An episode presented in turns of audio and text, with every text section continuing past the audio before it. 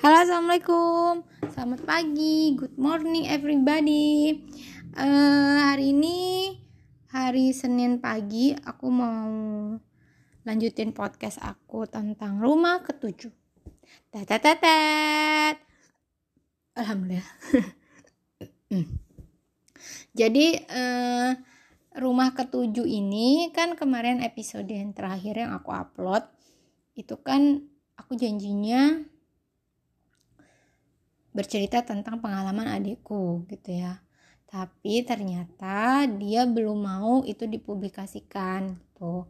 Belum mau ya bukan tidak mau tapi belum mau. Nanti aja deh katanya gitu. Ya udah akhirnya aku memutuskan untuk melanjutkan episode rumah ketujuh ini dengan cerita lain aja. Ini cerita tentang kepindahan kita ke rumah kontrakan yang baru. Jadi kan kalau kalian ingat di episode ketiga itu uh, aku bercerita bahwa pada akhirnya kita pindahkan dari rumah besar itu. Uh, dan kita pindahnya itu kebetulan nggak jauh-jauh dari rumah besar itu. Alasannya karena mama udah suka sama lingkungan di rumah itu. Pun di rumah yang baru gitu ya. Karena kan deket ya jadi satu lingkungan aja gitu. Tetangganya juga nggak beda-beda jauh gitu kan ya. Jadi rumah yang baru itu kita sebut namanya rumah tingkat. Karena memang dia terdiri dari dua lantai lantai satu dan lantai dua gitu ya. Dan rumahnya nggak terlalu besar gitu. Tapi karena lantainya dua, dua gitu ya bertingkat jadi ya lumayan lapang gitu kan. Awalnya bisa dua uh, cuman ada dua kamar jadinya ketika ditambah yang lantai atas lantai atas satu lantai lantai atas itu bisa dijadiin tempat nonton TV sama satu kamar lagi gitu ya udah lumayan kan. Dan harganya juga kurang lebih sama sama yang rumah besar. Jadi mama memutuskan untuk pindah ke rumah itu. Singkat cerita kita pindah ke sana. Waktu itu aku udah SMP deh. SMP kelas 3 mungkin ya. Karena udah mau udah mau iya SMA gitu kan ya. Jadi kelas 3 akhir gitu. Dan kita di rumah itu lumayan lama. Karena aku ingetnya sampai aku mau lulus kuliah. Karena aku e, kejar-kejaran sama dosen dijemput sama suamiku dulu yang masih berstatus pacarku itu ya bolak-balik. Bolak-balik e, rumah itu kampus rumah kampus kayak gitu ya.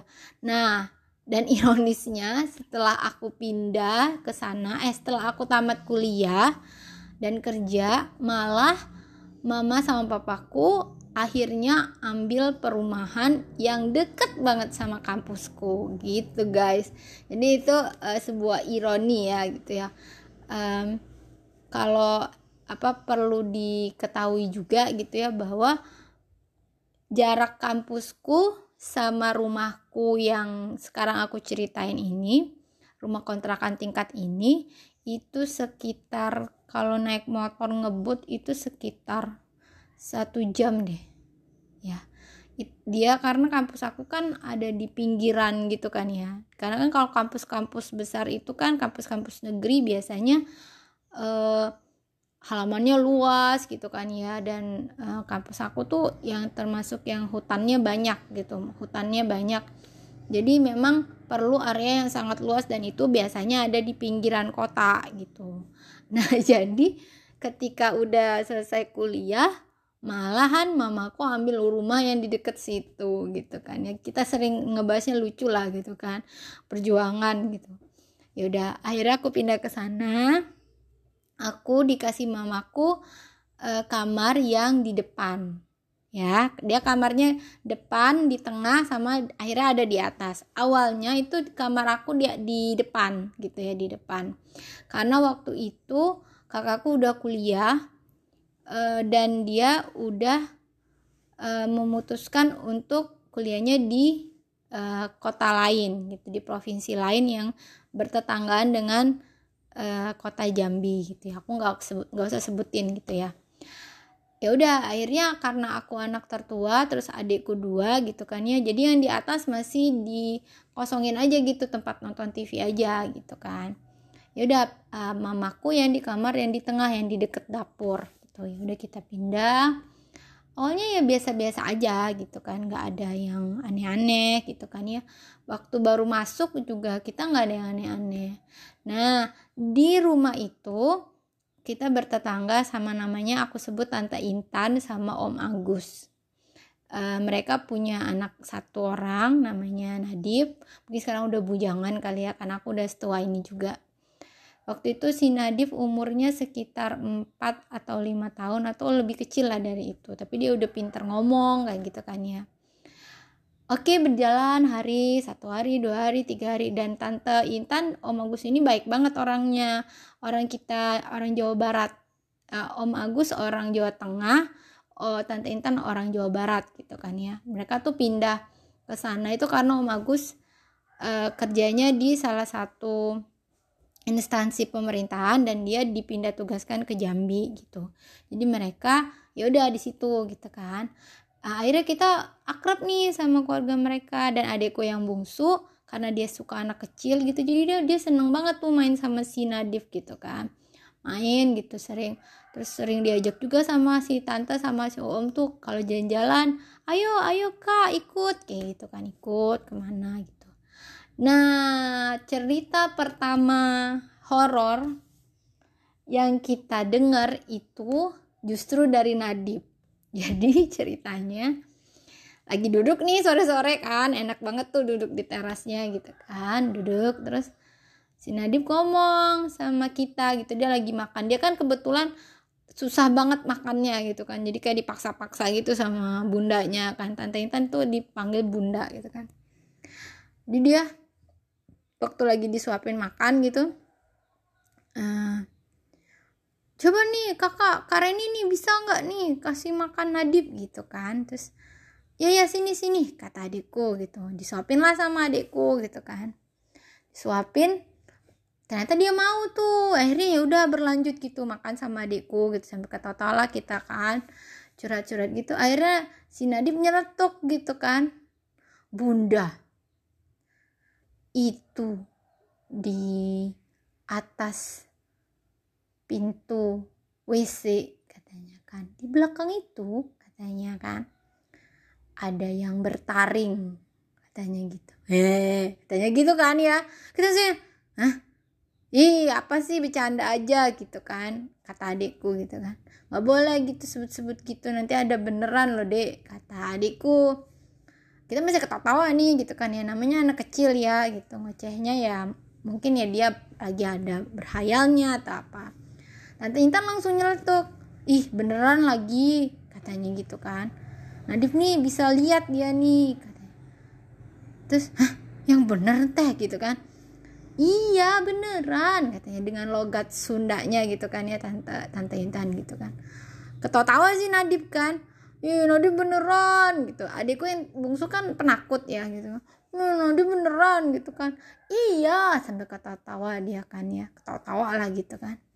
Akhirnya dari situlah bergulir cerita dari tante Intan gitu kan ya. Pengalaman mistis dia gitu ya selama di Bandung. Karena dia pernah tinggal di di sebuah apa namanya tuh uh, perkebunan teh gitu kan karena papanya tuh uh, orang perkebunan kayak gitu kan. Uh, dari cerita mistis pribadinya tante Intan ya udah nyambung terus ke cerita mistis bedeng itu. Ternyata bedeng itu pun horor guys. Ya.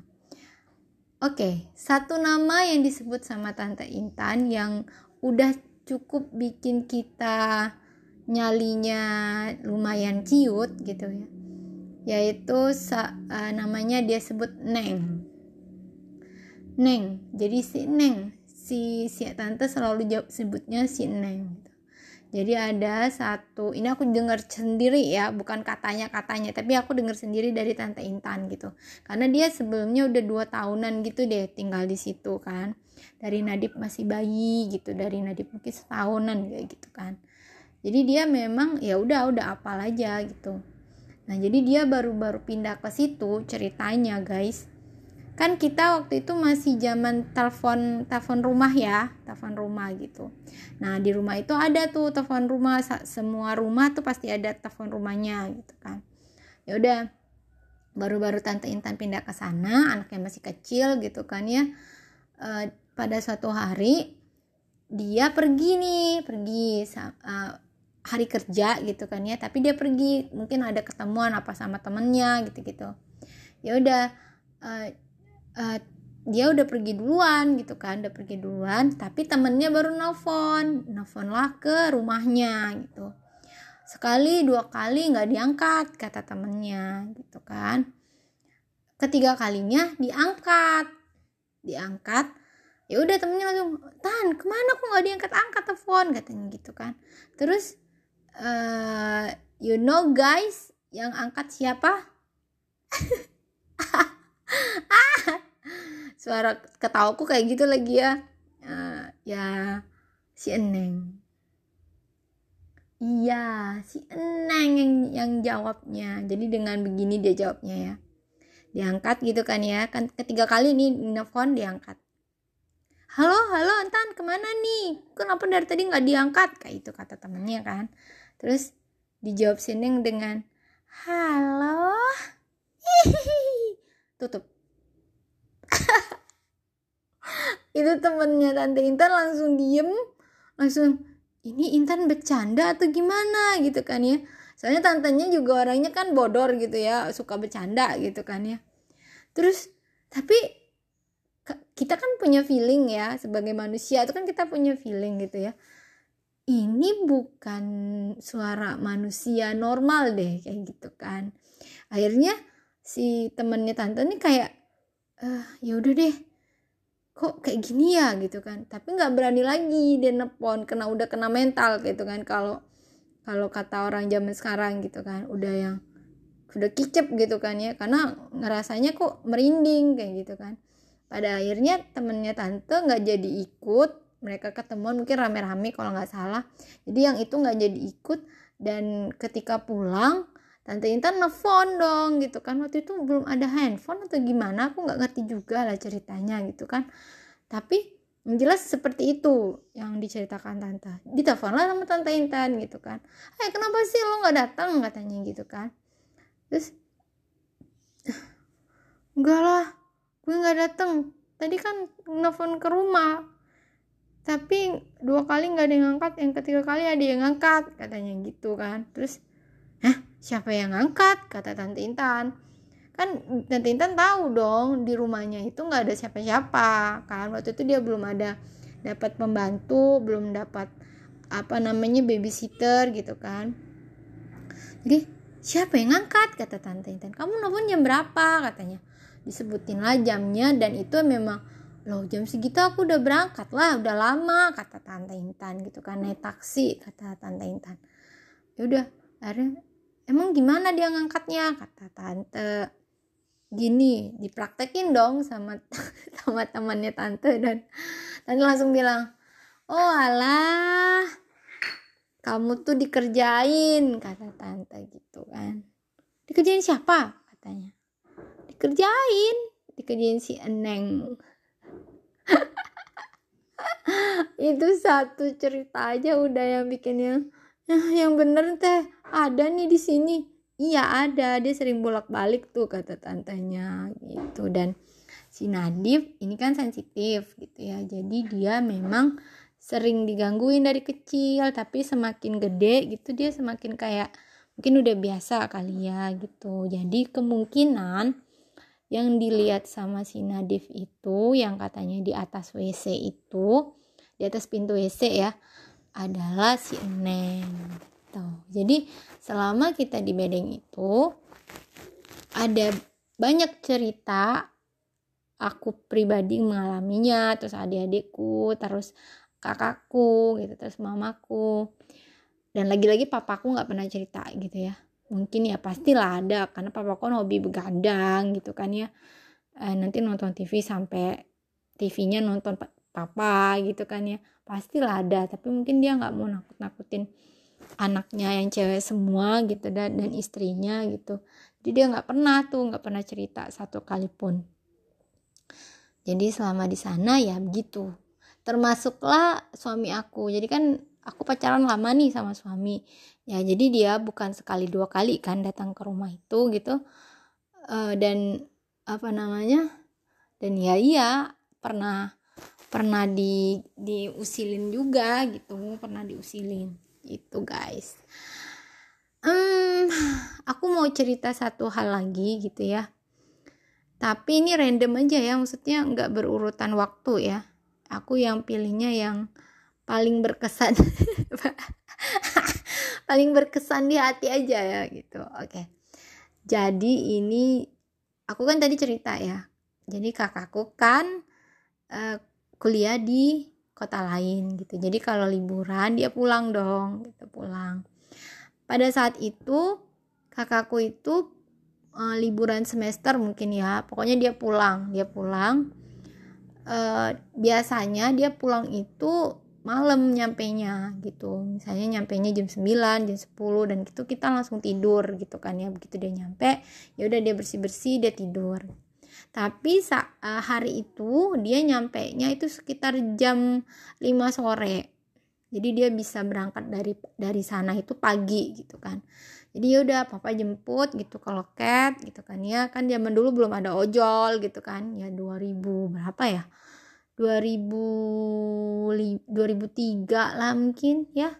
2003 2002 2003 lah ya kakakku angkatan 2002 mungkin 2003an gitu uh, atau 2004an gitu ya. Ya udah belum ada ojol belum ada apa gitu kan ya.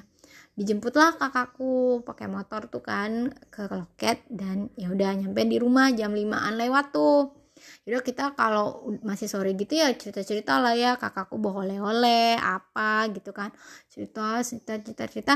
Akhirnya udah mandi uh, mamaku sholat. Waktu itu aku lagi nggak sholat dan ayuku juga kebetulan lagi nggak sholat. Ya udah mamaku sama adik-adikku sholat. Dah sholat itu kita ngumpulnya semuanya itu di kamar mamaku di kamar tengah berarti ya ini. Nah setelah mamaku sholat itu sama adik-adikku entah gimana atau ada yang ada yang datang apa ya tamu apa gimana gitu ya mereka ninggalin kita berdua nih di di kamar itu. Karena kakakku capek walaupun itu masih suasana maghrib lah ya mungkin jam-jam 7 kurang kayak gitu. Nggak maghrib maghrib amat cuman jam 7 kurangan gitu. Kakakku udah rebahan gitu udah rebahan gitu kan. Aku juga kayak udah deh aku rebahan juga deh gitu. Tapi kakakku ngadepnya ke dinding lain. Eh ke dinding. Aku ngadepnya ke aku di pinggir di pinggir di pinggir ranjang gitu loh. Jadi kita tuh be, bertolak belakang kayak gitu ya. Aku nggak mau ganggu kakakku karena uh, dia capek pasti kayak gitu ya. Udah deh dia tidur aja dulu. Tapi yang yang agak memang agak aneh gitu kita berjarak banget tidurnya. Jadi kakakku mepet banget ke dinding aku mepet juga ke pinggiran ranjang gitu kan. Jadi di tengah-tengah kita tuh ada space. Bisa lah satu atau dua orang di situ gitu kan. Karena kan ranjangnya lebar kan gitu. ya udah akhirnya uh, rebahan gitu. Aku ngapain lah ya baca buku atau main handphone jadul gitu ya? Lupa aku ya waktu itu yang yang zaman itu kayaknya udah ada handphone deh handphone Nokia Nokia gitulah ya gitu. Ya udah akhirnya aku main itu mungkin kakakku uh, balik baliknya ke arah dinding kan. Nggak lama cuma 5 menit apa paling lama 10 menit gitu kakakku langsung yang hah? Apa sih Wi? Gitu kan. Aku noleh dong. Apa sih yuk? Gitu kan. Terus dia kayak kaget gitu kan kok tuh tarik-tarik rambut aku loh katanya gitu kan. Kan bahasa bahasa Jambi ya. Kok tuh tarik-tarik rambut aku loh gitu. Hah? Tarik rambut? Enggak lah aku bilang gitu kan. Aku main handphone kok aku bilang gitu kan. Terus terus kakakku bilang kok yang benar-benar lah gitu kan. Iya bener aku bilang gitu. Langsung duduk dia. Langsung mama kayak gitu kan ya. Langsung aku yang bingung ini maksudnya apa sih? Kayak gitu kan. Udah dia langsung ke depan gitu. Aku juga ikut nyusul gitu ke depan. Dan mama ngomong kenapa sih kalian berdua? Gitu kan. Kirain ayo tidur kata mama ngomongin kakakku gitu kan. Lanjut ya guys. Ini ke kepotong. Sorry. Jadi uh, kirain ayu tidur kata abang eh kata mamaku gitu kan terus ayu kok ketakutan gitu? Terus yang aku bilang iya ayu tadi tuh aneh deh ma gitu. Terus uh, aneh gimana? kata mamaku kan. Kita kan tidur aku jelasin gitu kan ya. Tiba-tiba uh, Ayu bilang Ayu teriak apa sih? gitu kan.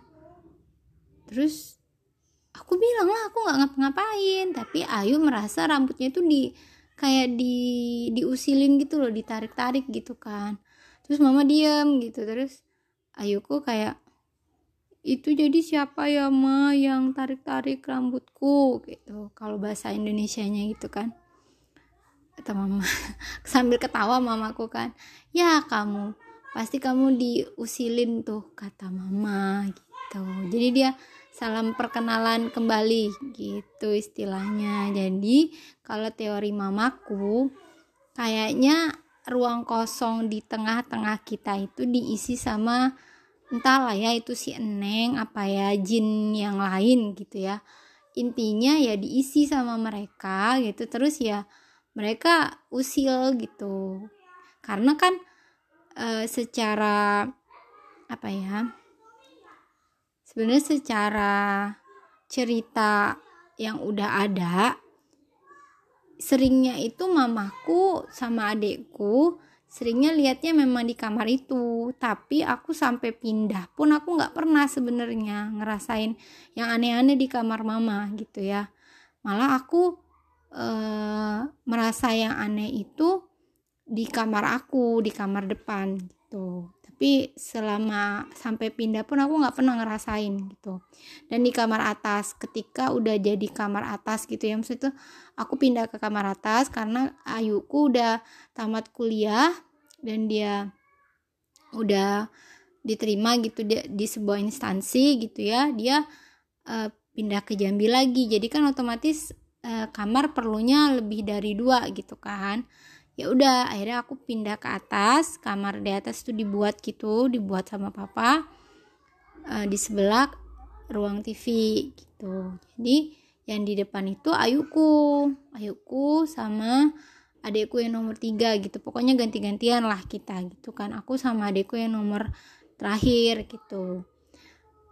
Ah, jadi ya udah aku nggak pernah ngerasain yang di kamar mama gitu. Tapi ya uh, Ayuku tuh yang jelas ketakutan banget saat itu gitu. Kayak itu nyata loh itu nyata katanya. Aku aku nggak tidur aku tuh belum tidur katanya gitu. Tapi kata mama mungkin Ayu ngelamun kali ya gitu.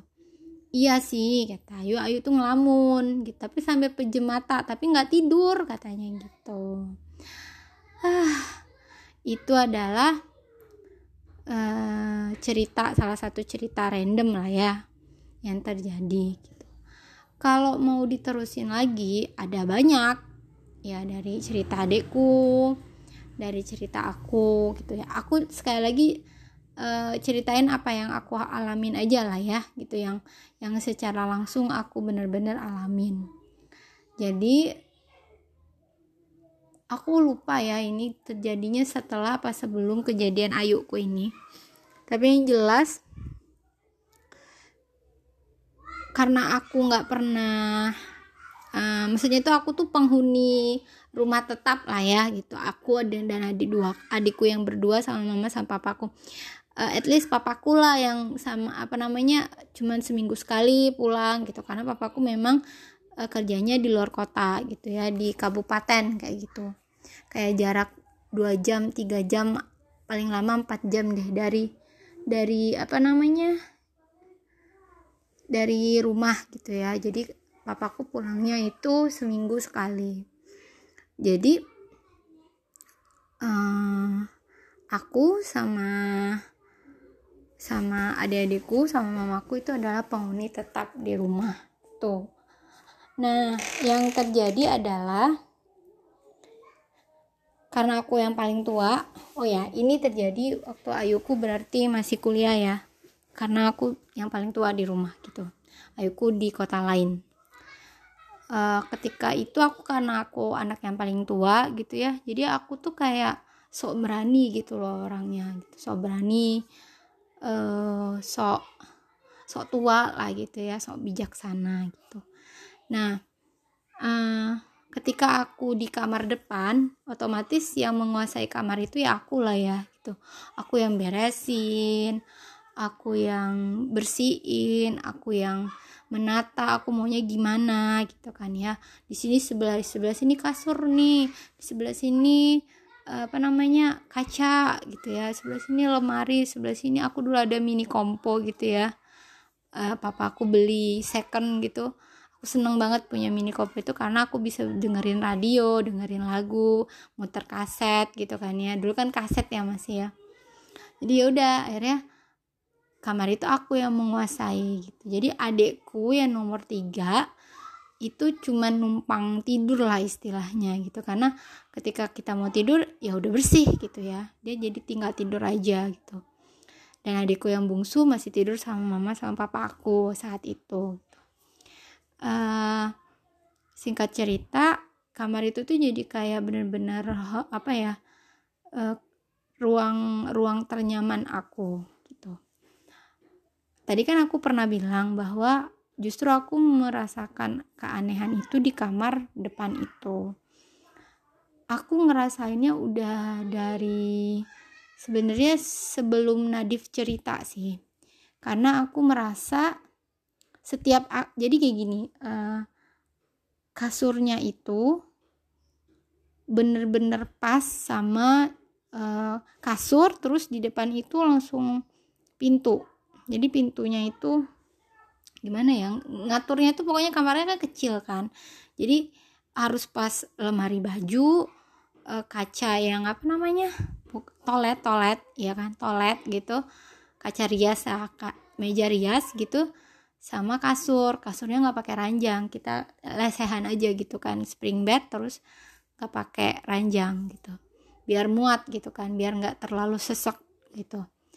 Jadi di teratur eh jadi apa ya? Mau nggak mau di depan kita tidur itu langsung apa namanya? Eh lantai terus langsung uh, pintu gitu kan ya langsung pintu. Jadi kita tidur memang langsung berhadapan dengan pintu. Kata orang sih sebenarnya nggak boleh ya kan? Nggak baik lah gitu kan? Nah itulah yang terjadi sama aku uh, minggu-minggu pertama deh gitu sebelum Nadif itu cerita. Karena ketika aku lagi duduk gitu lagi dengerin radio gitu kan ya kan pintu kebuka sedikit lah ya kalau siang sore gitu kan lagi ngaso lah ya di kamar gitu pulang sekolah gitu kan dengerin musik di di, di radio gitu sambil baca buku gitu kan ya. Asik banget lah. Aku sering kali kayak diintip diintip gitu ya diintip dari e, balik pintu balik pintu kan jadi dari luar berarti ya gitu. Nah di di di apa namanya di luar kamar aku itu langsung ruang tengah gitu. Ada buffet buffet kayu jati mama yang udah lama. Dan di situ ada telepon telepon rumah terus ada kursi ruang tengah kayak gitu gitu kan. Terus ke sananya lagi baru dapur. Nah yang kamar mama aku pasan sama yang ruang tengah ini.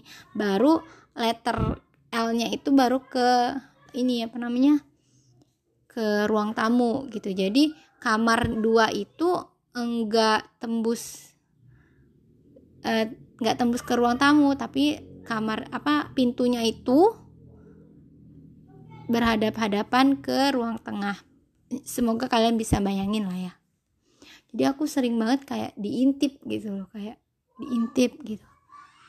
Kita ngerasa lah ya kok kayak ada yang ngintip ya gitu. Tapi aku ya udah gitu ya udah. Karena kan nggak jelas kan nggak nggak jelas. Nah setelah kejadian yang nadif itu entah itu tuh cuman sugesti aja karena kita ketakutan dan kita kayak apa ya e, kan itu serem ya bagi aku serem ya gitu. E, kita kita nelfon ke rumah orang terus ada yang ngangkat terus seperti itu kan serem ya gitu. Nah jadi mungkin entah itu sugesti atau apa tapi yang jelas e, ketika aku tidur itu udah malam udah malam banget aku biasanya kalau tidur tuh aku kamar aku harus rapi aku udah gosok gigi udah cuci muka kayak gitu ya. Pakai skincare skincare uh, sederhana banget lah ya kita zaman dulu gitu tapi yang jelas itu harus dilakukan gitu. Udah udah selesai semua adekku udah tidur aku juga tidur nih. Nah kejadian malam itu adalah ini pertama kali aku antara tidur dengan enggak gitu ya. Pintu itu kebuka jadi aku dulu itu suka banget yang namanya tidur lampunya mati. Ya jadi lampu mati gitu kan udah. Jadi malam itu kayak pintu itu tiba-tiba udah kebuka aja gitu udah kebuka aja. Dan dari arah dapur dari arah ruang tengah lah yang lebih tepatnya itu ada sesosok perempuan cantik. Pokoknya cantik ya. Aku tuh inget-inget lupa lah ya. Tapi yang ada di pikiran aku dan hati aku selalu bilang bahwa perempuan itu cantik. Perempuan itu cantik. Eh se, se, se pemikiran aku gitu ya se, seingat aku none Belanda. Um, cantik putih tinggi gitu ya. Dan dia jalan dari arah dapur dari arah ruang tengah itu masuk ke kamar aku. Jadi aku posisinya aku lagi baring aku lagi berdiri eh aku lagi rebahan mau tidur gitu tapi dia jalan ke arahku gitu. Pelan banget gitu. Tapi dia kayak nggak lihat aku. Aku aja yang lihat dia gitu. Dia nggak fokus ke aku. Dan you know dia lagi apa? Dia lagi nyisir rambutnya. Sambil jalan nyisir rambut kayak gitu kan ya. Tapi anehnya mungkin kalau kalian dengar ini tuh kayak horor banget ya karena kalian nggak menyaksikannya gitu kan. Tapi bagi aku yang langsung menyaksikannya itu nggak horor guys. Itu biasa aja. Kayak aku lihat ada tetangga lewat jalan gitu. Dan aku cuma merhatiin aja gitu kayak cuman merhatiin dia jalan sambil nyisir rambutnya gitu ya dia pakai baju tidur pakai baju kayak tidur gitulah ya pakai baju pakai baju tidur gitu pakai baju tidur zaman zaman dulu gitu atau baju tidur putri putri gitu ya. Kayak gitu visualisasi yang aku tangkap gitu. Tapi dia nggak melotot nggak nggak serem mukanya nggak yang berdarah-darah apa enggak gitu. Dia cuman kayak seorang wanita cantik mau persiapan tidur lagi sisir rambutnya tapi yang aneh itu jalannya lambat banget. Dan itu ya udah jalan gitu tapi nggak nyampe ke pintu kamar aku aku aku kebangun gitu. Nah yang kedua dan itu itu bukan yang bukan pertama dan terakhir kali ya ada lagi gitu. Kayak beberapa minggu kemudian dan itu nggak aku pikirin ya udah kayaknya mimpi deh gitu kan. Tapi aneh ya mimpinya gitu nah beberapa minggu kemudian aku belum cerita tuh sama siapa pun termasuk sama mamaku aku belum cerita. Lalu kejadian lagi tapi yang kali ini agak horor. Karena dia jalan dia nggak sisiran rambut lagi tapi dia jalan dan dia kayak natap kosong ke satu titik tapi bukan lagi-lagi bukan ke aku. Tapi tetap posisinya jalan dari ruang tengah itu pintu keadaan pintu kamar aku kebuka lebar dan dia jalan ke arah aku. Tapi dia nggak fokus ke aku. Lagi-lagi dia nggak yang melototin aku gitu enggak cuma jalan aja dan dan saat itu yang kedua kali aku lumayan merinding sih lumayan kayak ini apa ya maksudnya? gitu. Karena mungkin udah dua kali kali ya gitu. Nah itulah yang terjadi sama aku. Tapi yang lain-lainnya kalau um, secara langsung kayak gitu lagi tuh kayaknya aku nggak pernah lagi deh di rumah itu gitu. Paling adekku gitu kayak adekku itu yang bungsu yang aku bilang kan da dari awal itu dia nggak pernah mau sendirian di rumah itu. Kalau aku masih mau karena mungkin aku sok sok berani itu ya karena aku jadi anak anak paling tua gitu saat itu kalau adikku yang bungsu bener-bener kalau udah nggak ada orang misalnya mama lagi pergi gitu ya terus dia pulang sekolah nggak ada orang kan kunci otomatis dititip lah ya sama tetangga gitu kan. Nah nanti adikku sendiri tuh ganti baju cepet-cepet langsung pergi langsung lari dia ke rumah tetangga gitu kan ya. Dia bener-bener nggak mau sendirian di rumah itu gitu. Nah eh, kebetulan ketika kita udah setahun apa mau dua tahun gitu tante Intan pindah pindah ke eh, Bandung gitu. Jadi Om Agusnya ditarik lagi ke Bandung dan kita nggak ada kontak maksudnya ya kosong. Rumah rumah yang dikontrak tante Intan dulu itu kosong. Kosongnya lumayan lama gitu. Jadi kita memang lumayan horor sih waktu itu kosong gitu kan. Karena kita udah tahu sebuah fakta bahwa ada si Eneng gitu. Paling enggak si Eneng itu seneng banget di rumah tante Intan itu gitu kan. Jadi horor banget. Jadi adikku yang cewek yang yang yang bungsu nggak pernah mau sendirian. Jadi dia itu menurut cerita dia gitu ya kalau dia lagi nonton TV sendirian di atas gitu itu selalu ada kayak karena karena apa ya kayak ada yang mau naik tapi ditunggu-tunggu nggak ada yang naik. Kayak dek dek dek dek gitu loh. Kayak ada orang orang mau jalan jalan mau naik gitu. Tapi nggak pernah ada yang, yang apa nggak pernah ada yang naik gitu. Itu sering banget dia bilang. Terus ada yang ngintip juga gitu dari dari tangga gitu ya. Kayak ngintip ke atas gitu. Itu sering banget gitu. Terus eh yang paling horor lagi kata dia dia pernah pulang sekolah sendirian lagi gitu ya. Terus dia mau naik ke atas gitu mau naik mau, mau ngambil sesuatu atau apa gitu.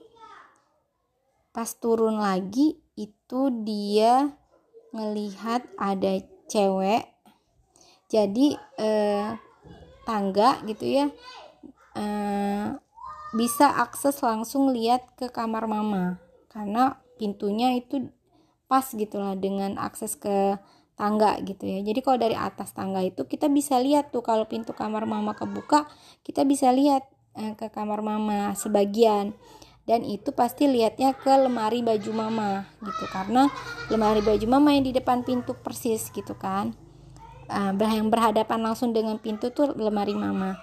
Dan cewek itu yang dilihat adekku dia sedang nempel di kaca lemari mama itu tapi dari belakang aja gitu loh. Kayak orang lagi nempel tapi badannya dari kita lihatnya dari belakang. Adik aku langsung teriak langsung lari. Jadi dia sampai ngelompatin tiga anak tangga saking dia takutnya gitu loh. Karena itu menurut dia nyata banget gitu guys. Itu sih terus kalau mama aku juga sering banget kalau turun dari tangga gitu kan karena aksesnya langsung terlihat ke kamar mama aku sebagian itu seringnya kan lemari ya. Nah tempat tidur mama aku tuh kelihatan sedikit lah seperempat lah gitu. Dan itu sering diisi seseorang cewek lagi gitu. Jadi kayak dia lagi e, miring kek e, lagi tengkurap kek kayak gitu. Tapi jarang bang nggak pernah sih kayaknya ngeliatin muka gitu ya. Nggak pernah ngeliatin muka.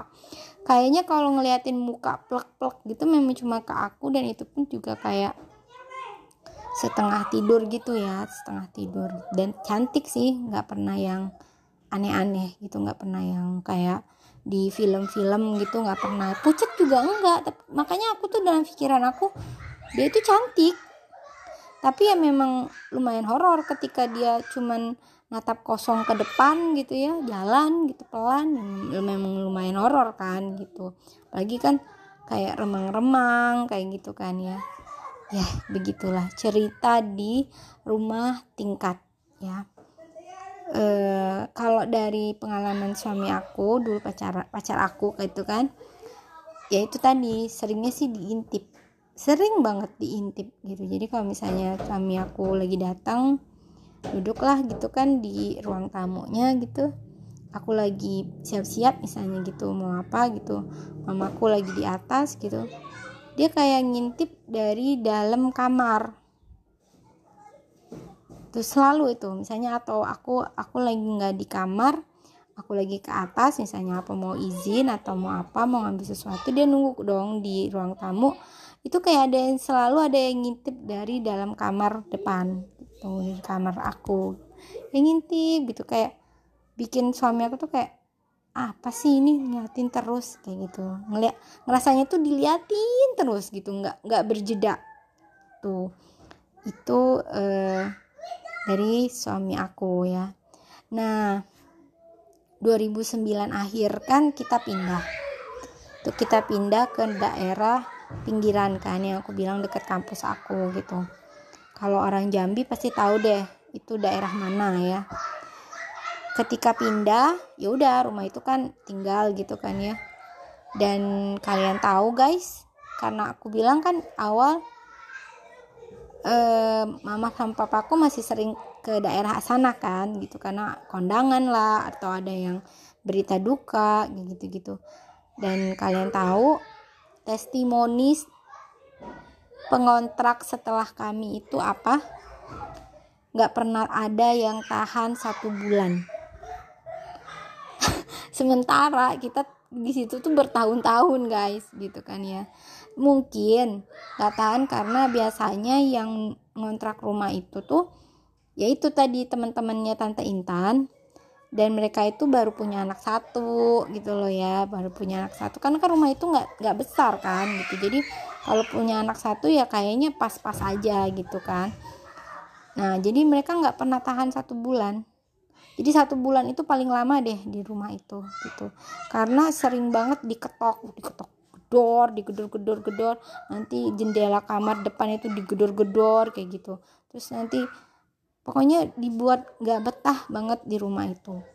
Dan terakhir kali aku ke sana itu anakku umur 2 tahun ya mungkin. At least itu uh, sekitar empat tahunan yang lalu karena sekarang anakku udah. Jadi sekitar empat tahunan yang lalu itu uh, aku ke sana kondangan ya uh, mungkin ada yang inget uh, anaknya uh, Ua yang punya warung di depan rumah besar. Nah itu itu itu anaknya yang anaknya itu teman aku SD gitu jadi dia nikah. Uh, apa namanya jadi aku datang gitu kan. Rame-rame lah sama mama sama papaku sama saudara-saudaraku gitu. Uh, waktu itu udah apa ya punya anak ya udah punya suami udah. Terus datang ke sana lewat lah gitu kan depan. Duh, rumahnya udah hmm, kumuh nggak terawat gitu ya. Mungkin karena dulu mama aku tuh orangnya kan resik gitu ya terus rapi gitu terus di halaman kecilnya itu dia berpagar gitu terus di halaman kecilnya itu ada ada tanaman-tanaman gitu. Itu kerjaan mama sama papaku lah ya. Pokoknya selalu ada uh, sesuatu hal yang bikin rumah itu terlihat cerah gitu ya. Terus dicat papa tuh nggak kalau ngontrak rumah nggak pernah pelit gitu. Jadi kalau rumah udah catnya udah jelek gitu ya udah ngelupas ngelupas itu udah tuh dia udah harus ini harus dicat nih gitu. Apa yang rusak dibaikin gitu. Jadi orang yang insya Allah ya orang yang ngontrakin rumah ke kita tuh selalu seneng ketika kita ninggalin rumah itu. Karena pasti rumah itu kita tinggalkan dalam keadaan bersih gitu. Dan uh, misal pun ada coretan-coretan maklum punya anak kecil gitu zaman-zaman dulu gitu papa sama mama selalu ganti uangnya gitu. Atau paling enggak sebelum kita ninggalin rumah itu ya rumah itu di dicat dicat-cat dikit di dibagusin lah gitu. Dan yang pasti banget adalah kita ninggalin rumah itu tanpa sampah dan rumah itu udah bersih udah dipel gitu. Nih jadi ketika nyampe uh, ketika lewat rumah itu gitu kan kayak ini rumah kita dulu ya gitu. Terus kumuh banget ya. Mungkin juga karena orangnya nggak suka tanam-tanaman jadi rumahnya kelihatan gersang. Terus satu lagi di samping gersang uh, terasnya gitu kayak rumah itu lembab kayak mungkin uh, apa namanya uh, kayu-kayunya tuh udah pada lapuk-lapuk gitu terus catnya tuh udah pada ngelupas-ngelupas padahal kayaknya ada orang di dalamnya itu kayaknya ada orang yang ngontrak gitu. jadi bedeng itu tuh terdiri dari 6, 6 pintu tiga yang bertingkat tiga yang enggak gitu jadi kita yang yang ngontraknya yang bertingkat itu tapi ya itu ketika kita udah pindah ternyata eh, nggak uh, ada yang betah di bagian yang rumah kita itu. Terus pelan-pelan uh, rumah kontrakan yang tingkat itu kan tiga ya. Nah satunya itu sebenarnya ditunggu sama anak yang punya kontrakan itu gitu. Tante lulu gitu ya. Nah tante lulunya juga pindah tuh. Pindah dia buka um, minimarket apa supermarket gitu ya di kota seberang jadi dia pindah dan dan ya itu kosong kosong kosong. Mungkin kelamaan kosong kali ya jadinya auranya jadi beda gitu. Jadi kayak nggak keurus terus kayu-kayunya banyak yang udah lapuk-lapuk kayak gitu kan ya. Dan ya serem sih serem. Kesan seremnya itu baru kelihatan gitu. Karena waktu kami baru pindah itu ya enggak. Apa mungkin akunya karena masih cuek kali ya. Jadinya ya udahlah ya gitu. Yang penting dapat rumah baru aja gitu. Nah uh, testimoni yang dari itu kan memang gak ada yang betah gitu ya. Gak ada yang betah dan uh, dari orang-orang di sekitar selain di rumah itu juga ya gitu rumah itu tuh setelah kita tinggalin jadi kayak nggak ada aura baiknya gitu. Dan uh, sangat disayangkan sih karena itu kontrakan di tengah kota rame akses mau makanan banyak uh, terus juga akses mau ke sekolah juga ada banget gitu ya. Tapi kayak gitu nggak keurus gitu kayak udah mau roboh aja rumah itu gitu ya seperti itu guys. Itu rumah tingkat gitu ya. Nah aku sebenarnya mau ngelanjutin lagi sih sebenarnya ya. Mau ngelanjutin lagi ke hmm, rumah yang dibeli mamaku jadi kan dari rumah tingkat itu mamaku beli rumah akhirnya. Tapi di pinggiran kota mungkin karena harganya jauh lebih murah gitu ya yang di dekat kampus aku. Dan ternyata di rumah ini pun kita ketemu yang sejenis neng gitu. Sampai sekarang sampai sekarang rumah itu masih dihuni sama mama papaku gitu ya. Khususnya papaku lah yang paling sering tinggal di sana. Karena mamaku sekarang kondisinya adalah uh, adikku yang bungsu sudah nikah dan punya anak berumur 7 bulanan dan mamaku tuh lagi sering di rumah adikku yang bungsu gitu. Jadi ya papa yang paling sering tinggal di rumah itu. Dan ya sampai dari 2009 sampai sekarang tuh papa nggak pernah ada yang aneh-aneh gitu. Nggak pernah nggak pernah ada yang kalau kita tanya pun pak pernah nggak sih pak digangguin? Atau mimpi kayak gitu. Nggak ada atau apa gitu. Pasti selalu bilangnya nggak ada. Dan kita yakin banget sih nggak mungkin nggak ada gitu. Karena di rumah ini pun uh, sebenarnya nyata nggak nyata sih aku pribadi ya. Nyata nggak nyata. Tapi memang banyak banget juga gitu ya uh, yang tahu bahwa misalnya yang sensitif lah ya. Yang sensitif sensitif terus kebetulan lewat atau kebetulan datang ke rumah itu pasti bilangnya something wrong gitu. Ada sesuatu nih di rumah ini gitu pokoknya aku mau cerita ya. Uh, tapi kayaknya di next episode aja kali ya. Karena ini karena ini udah kepanjangan. Uh, jadi di next episode aja aku mau ceritain tentang rumah pribadi kami gitu ya. Yang akhirnya kita nggak ngontrak lagi kita nggak ke sana kemari lagi gitu. itu nggak kalah seru guys. Itu nggak kalah uh, apa ya membuat hidup kita banyak cerita gitu ya. Dan itu bukan cuma kita yang tahu lagi-lagi ya kalau ada yang bertamu ke rumah atau yang nginep gitu dan dia kebetulan sensitif pasti mengiyakan bahwa sosok jin ini ada. Dan lumayan serem sih. Lumayan serem karena e, sering menyerupai salah satu anggota keluarga kami gitu ya. Penasaran kan? Gimana ceritanya seru-serunya dari 2009 sampai sekarang? Berarti kita udah berapa ya? Sudah 12 tahun? 12 tahunan ya kita di sana ya gitu. Dan sampai sekarang masih horor tapi masih sangat um, dirindukan rumah itu karena kita ngumpul pasti di sana. Kalau liburan gitu ya aku kan sekarang kebetulan tinggalnya di bukan di kota Jambi. Aku, aku ikut suamiku kerja di salah satu kabupaten yang jaraknya 7 jam dari kota Jambi.